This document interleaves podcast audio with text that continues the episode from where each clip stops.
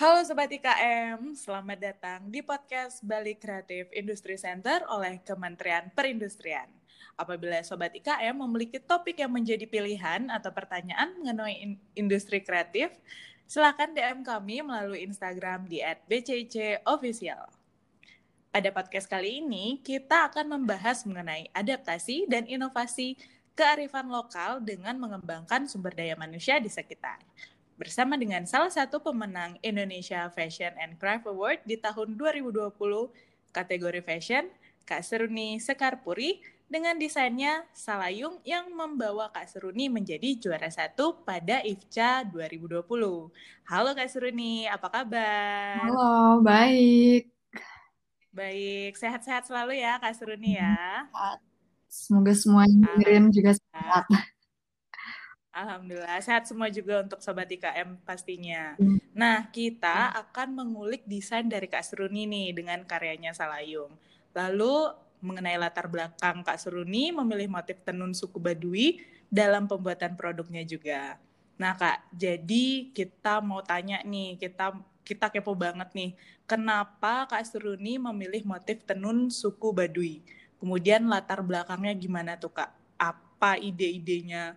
Uh, Kak Suri ini bisa muncul uh, kenapa harus bawa si tenun suku Baduy ini Kak? Oke, okay, jadi sebetulnya itu ceritanya di awal um, di akhir tahun 2018 itu tuh kebetulan hmm. banget ada um, kakak tingkatku um, kayak alumni jauh sih sebenarnya di, di kampus. Terus dia tuh hmm. saat itu um, mau uh, ada pelatihan pemasaran gitu di Baduy. Jadi pemasaran produk kria berbasis tenun gitu melalui media sosial. Nah sebenarnya kan kalau aku emang anak kria nah alumniku yang ngajak um, ke Baduy ini juga dia anak kria. Tapi pada saat itu tuh Uh, seharusnya tuh ada satu orang uh, yang ikut ke sana, ada dua orang yang ikut ke sana, cuma tiba-tiba dia nggak bisa. Jadi kayak uh, hmm. tingkatku ini kebetulan hubungin aku karena pada saat itu tuh aku kayak ikutan uh, kelas um, pemasaran gitu, kelas um, apa namanya in, um, pemasaran yang dari in, uh, apa sorry digital marketing. Nah. Ikut kelas digital marketing gitu. Terus kebetulan waktu itu bareng dia akhirnya kayak uh, bisa nggak nih besok ke Baduy? gitu. Tiba-tiba banget. Terus oh besok tuh kuliah. Waktu itu masih kuliah kan. Terus oh ada kuliah hmm. pas banget kuliahku yang aku bolos itu itu tuh adalah uh, kuliah serat alam gitu. Jadi emang belajar tentang material alam. Nah terus uh, ya udah deh um, kapan lagi kan ke sana penasaran juga. Terus kayaknya seru proyeknya waktu itu tuh empat harian gitu hampir seminggu deh. Ya hampir seminggu. Terus uh, akhirnya tuh bikin surat izin ke sana. Terus ternyata tuh dibolehin. Ya udah akhirnya padahal dadakan banget kan. Terus nggak ikut. Padahal aku tuh dari dulu selama kuliah tuh paling penasaran sama kelas serat alam yang pada saat itu tuh dosen aku tuh ngebawain bener-bener si material alamnya tuh di, di disediain terus kayak di diliatin warna-warnanya gitu. Kayak misalnya nah ini tuh menghasilkan warna apa pohon ini dapetnya warna apa itu tuh diliatin gitu. Kita kayak hands on langsung ke materialnya kan. Tapi nggak dapet waktu itu karena harus ke Baduy. Nah ternyata nggak disangka-sangka banget waktu pas di Baduy justru mendapatkan sesuatu yang uh, bisa di ya bisa dieksplorasi oh, jauh gitu. karena kan kalau di sana uh, alamnya tuh masih bagus banget ya. Terus masih hmm, betul. Uh, nemu lah tanaman yang aneh-aneh segala macam masih banyak di sana. Kayak uh, kalau mungkin di sini dulu ada apa ya namanya putri malu udah susah ditemuin. Mm-hmm. tuh udah jarang banget lah di jalan. Kalau di sana ya di mana-mana ada gitu. Yang kayak gitu-gitu tuh um, masih banyak dan masih terawat. Karena memang suku Baduy sendiri kan adalah um, ini ya uh, indigenous no uh, punya indigenous knowledge. Jadi mereka tuh memang hmm. dalam kehidupannya memang perhitungkan keseimbangan ekologi alam dalam setiap sisi kesadaran hidupnya. Jadi emang bener-bener waktu pada saat itu ke sana tuh uh, amazed sendiri gitu. Kayak yang wah ini keren banget wah ini keren banget. Pokoknya lihat semua hal di situ tuh bener-bener yang uh, terinspirasi gitu. Banyak banyak banget terinspirasi sama mereka dan keseharian aktivitasnya. Terus akhirnya pada saat melakukan si uh, pelatihan itu di sana akhirnya memperhatikan kan kalau ternyata tuh uh, kalau di scuba di luar itu kan memang sudah sangat uh, ini ya kayak campur maksudnya bersentuhan dengan budaya luarnya itu luar betul, betul, betul. Jadi mereka tuh di sana ternyata benang-benang yang digunakan untuk kain-kainnya itu menggunakan pewarna sintetis, ngambil benangnya tuh dari luar. Padahal tuh sayang banget karena kalau misalkan di scuba di dalam sendiri memang mereka tuh hanya memakai pakaian warnanya tuh putih atau enggak hitam gitu. Nah, hitamnya ini diambil dari um, kayu pohon pewarnanya gitu. Sedangkan yang putih ya udah memang tidak dicelup gitu. Sedangkan kalau yang di luar itu dia ngambil dari dari luar gitu pakai pewarna sintetis. Maksudnya sayang banget nih padahal di Baduy itu source-nya masih banyak, masih lengkap gitu. Sampai akhirnya di sana kan lama tuh jadi lumayan banyak ngobrol sama orang-orang sana. Terus akhirnya nyari-nyari kenalan sana sini dari tiap rumah ke tiap rumah gitu kenalan sampai uh, nemu um, satu orang gitu yang emang beliau ini sudah tertarik dengan pewarna alam gitu. Terus akhirnya kita ngobrol kenapa sih pewarna alam di, di Baduy susah berkembang dan lain-lain.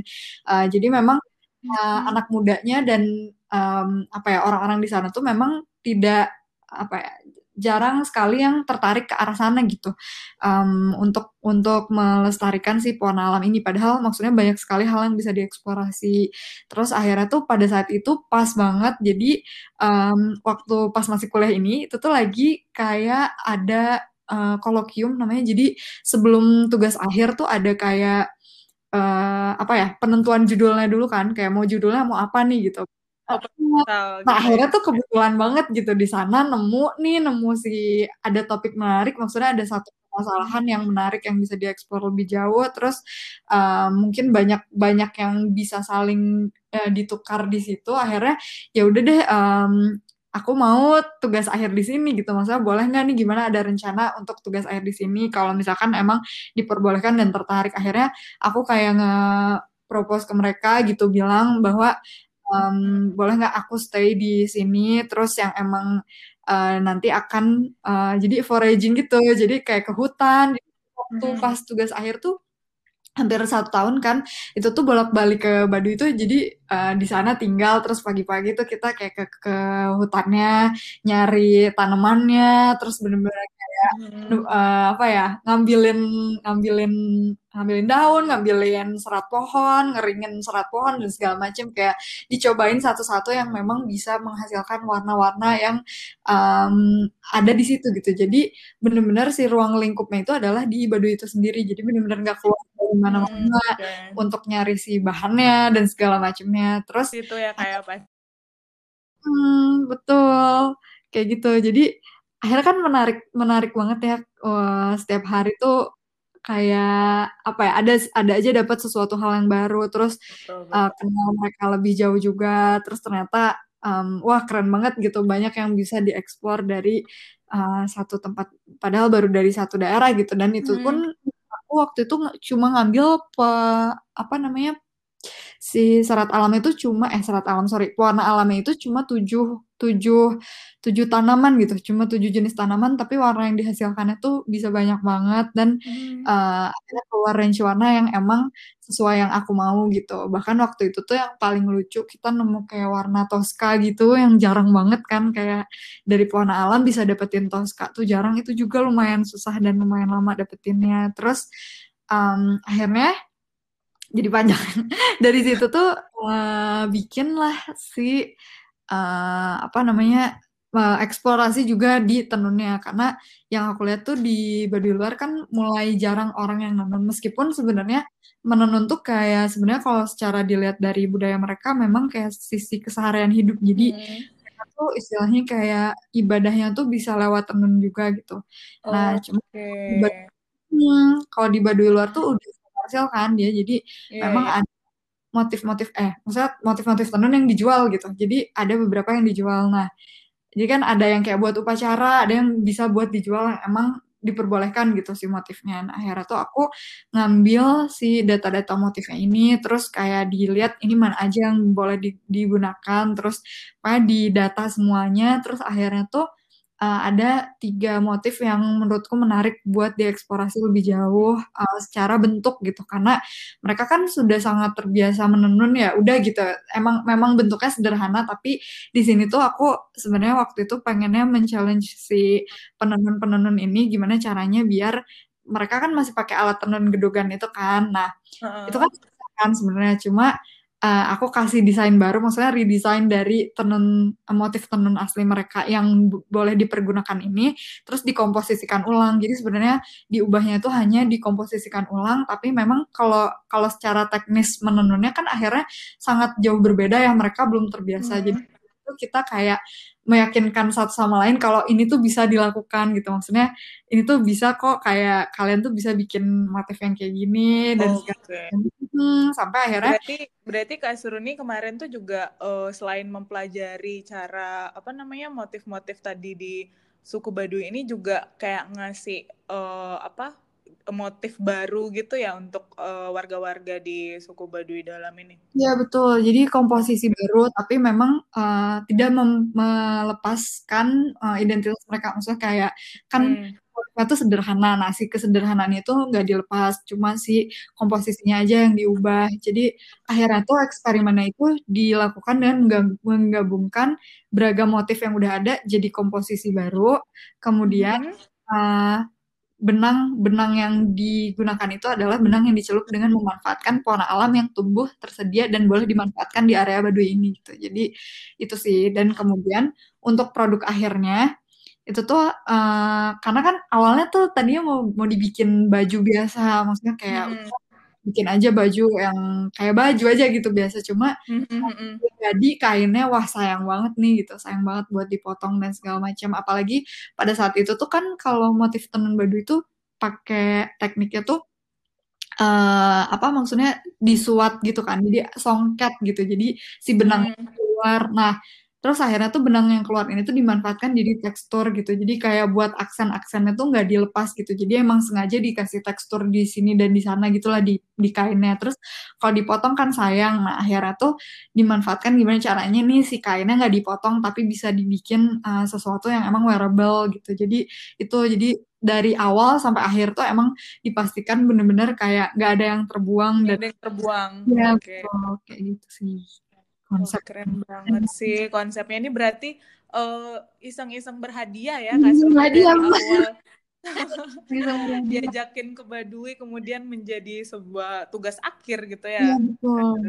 Hmm. Oke deh, wah ini keren banget sih sobat IKM uh, eh, apa kita mendengar dari awal bagaimana terbentuknya uh, Salayung ini yang membawa uh, Kak Seruni menjadi juara satu pada IFCA di tahun 2020 kemarin.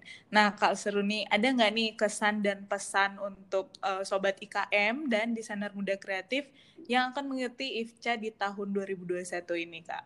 Hmm, uh, kalau menurutku sih kalau misalkan emang dari sudut pandang desainer emang pasti harus banget punya awareness yang tinggi, maksudnya kesadaran yang tinggi dan peka terhadap lingkungan sekitar gitu. Jadi kadang tuh kita suka jauh-jauh cari inspirasi yang ke mana karena pada awalnya juga aku tuh sebelum TA tuh maunya tuh kayak mm-hmm. ngikutin tren gitu. Jadi pengennya tuh uh, waktu pada saat itu oh ini yang ngetren nih sustainability gitu. Udah kayak udah kebayang mm yang memang akan akan tren tuh itu. Cuma pada saat itu tuh aku nggak kebayang bahwa sustainability yang sebenarnya tuh akan sangat dekat dengan lingkungan kita sendiri gitu.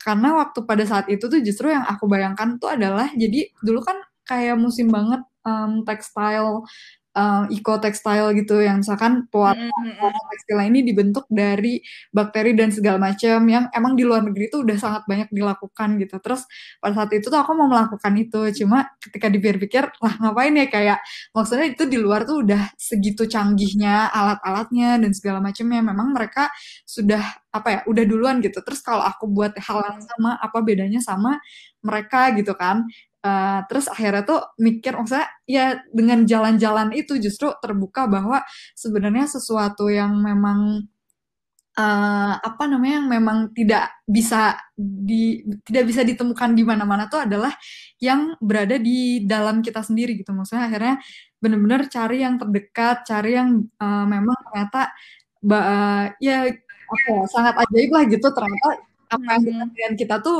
sangat banyak yang bisa di apa ya banyak ya, olah ya. jauh, betul uh, padahal gak usah cari jauh-jauh gitu ternyata yeah. Indonesia tuh kaya banget gitu dari mulai budayanya apa segala macam padahal kuncinya tuh cuma kayak udah jalan-jalan gitu maksudnya kayak keluar. Explore Indonesia nah, lebih luas lagi ya. Betul. karena sangat dekat gitu banyak banyak sekali yang bisa di maksudnya akhirnya local wisdom ini tuh bener-bener nggak bisa ditemuin di mana-mana kecuali di tempat itu sendiri gitu. Dan sangat uh, apa ya sangat bernilai maksudnya sebernilai itu gitu gitu sih Oke deh, berarti jangan terlalu uh, kalau misalnya nih mungkin ada beberapa sobat IKM yang masih ragu atau bingung gitu, ya, aduh aku harus bikin apa ya, nggak usah jauh-jauh gitu ya kayak ngeliat dari belahan dunia mana. Kadang pun di sekitar kita pun bisa menjadi inspirasi Betul. untuk sobat IKM. Betul. Ya nggak Kak? Betul banget. Oke deh. Oke, terima kasih banyak ya Kak Suruni untuk sharingnya di podcast kita kali ini. Sama-sama. Oke, desainer muda kreatif sesuai dengan tema IFCA pada tahun ini yaitu Adaptability in Responsible Design. Maka dari itu, ayo dong kita tunjukkan karya dan kontribusi Sobat IKM dan desainer muda kreatif dalam menjaga ekosistem kehidupan dengan adaptasi dan inovasi dalam menerapkan visi sustainability. Nah, tunjukkan karya terbaik desainer muda kreatif Indonesia dalam mengikuti IFCA 2021 ini. Apabila Sobat IKM dan desainer muda kreatif memiliki kritik dan saran untuk topik selanjutnya, dapat menghubungi kami melalui direct message dan jangan lupa follow Instagramnya di @bcicofficial.